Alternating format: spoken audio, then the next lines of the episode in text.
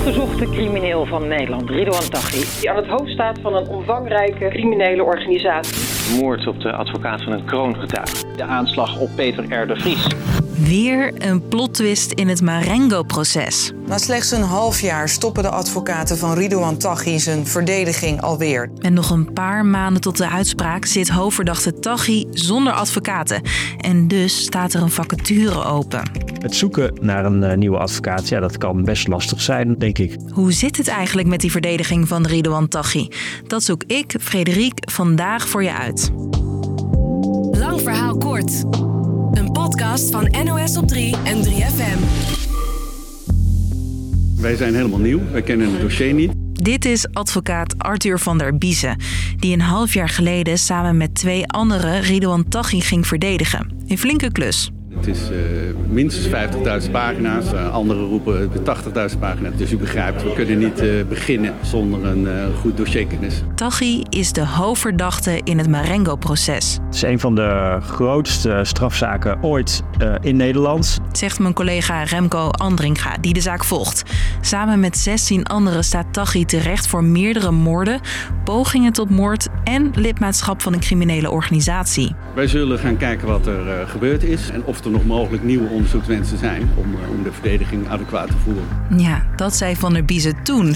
Maar nu, een paar maanden later, geven ze het hele dossier terug. Ze wilden zelf negen maanden de tijd om zich in te lezen in dat hele grote dossier. Alleen die tijd kregen ze niet van de rechtbank. Ook wilden de advocaten nog een getuige horen en proberen ze nieuwe rechters op de zaak te krijgen. Ook dat is afgewezen.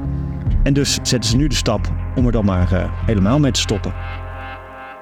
Oké, okay, de vacature om Nederlands bekendste crimineel bij te staan staat dus open. En dat is niet voor het eerst. Goedemiddag, advocaat Ines Wesky stopt met de verdediging van Ridouan Taghi. Wesky, Taghi's vorige advocaat, werd opgepakt omdat ze stiekem berichten van Taghi zou hebben doorgegeven terwijl hij vastzit. En dat mag niet. Daar ga ik niet op in. En ook een neef van Taghi, die advocaat is, werd om dezelfde reden eerder al veroordeeld. En zit dus vast. Nou ja, nou maar weer een nieuwe advocaat vinden, Remco? Het kan best lastig zijn, uh, denk ik. Heeft meerdere redenen tijd bijvoorbeeld. Ja, je zult toch dat dossier een beetje moeten, moeten gaan, uh, gaan begrijpen en lezen. Ja, duizenden pagina's doorakkeren, dus snel lezen kan zo in de vacaturetekst.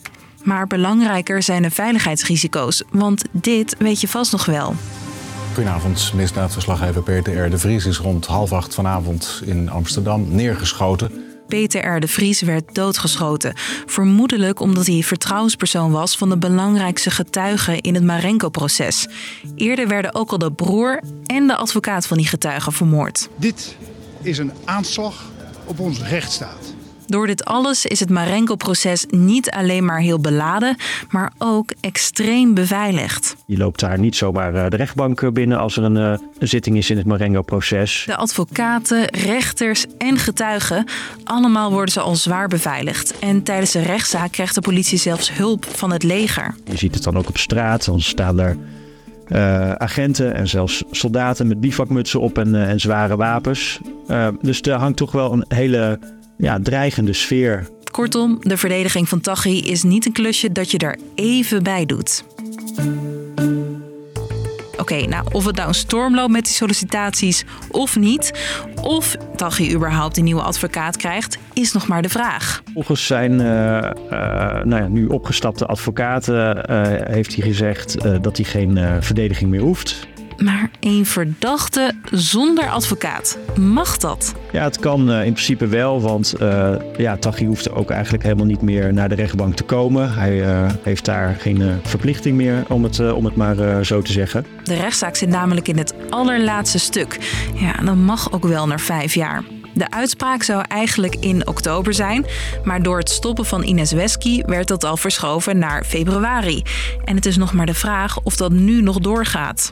Donderdag is er nog een, uh, een laatste zitting gepland voordat de rechtbank uitspraak uh, zou doen in februari. En ja, daar gaat besproken worden uh, hoe nu verder. Oké, en mocht er toch weer een nieuwe advocaat komen, moeten er een paar dingen zeker op het cv staan, volgens Remco. Mocht je interesse hebben, nou, typ dan maar even mee. Nou, je moet zeker een ervaren uh, advocaat zijn, uh, sterk in je schoenen staan vanwege de, ja, de, de, omstandigheden in dit proces, de dreiging die er is. En je moet natuurlijk overweg kunnen met je cliënt. En dus in dit geval is dat natuurlijk Rido Taghi. Dus, lang verhaal kort. Ridwan Taghi zit weer zonder advocaten. De reden? De advocaten wilden meer tijd en nog meer getuigen horen. Maar de rechter vindt het na een proces van vijf jaar wel mooi geweest. En wees het verzoek dus af, waardoor de advocaten helemaal stopten. Of Taghi voor het laatste deel van het Marengo-proces nog een nieuwe advocaat krijgt, is nog onbekend. Voor hem hoeft dat niet zo. Was meer voor vandaag. Dankjewel voor het luisteren. Joe.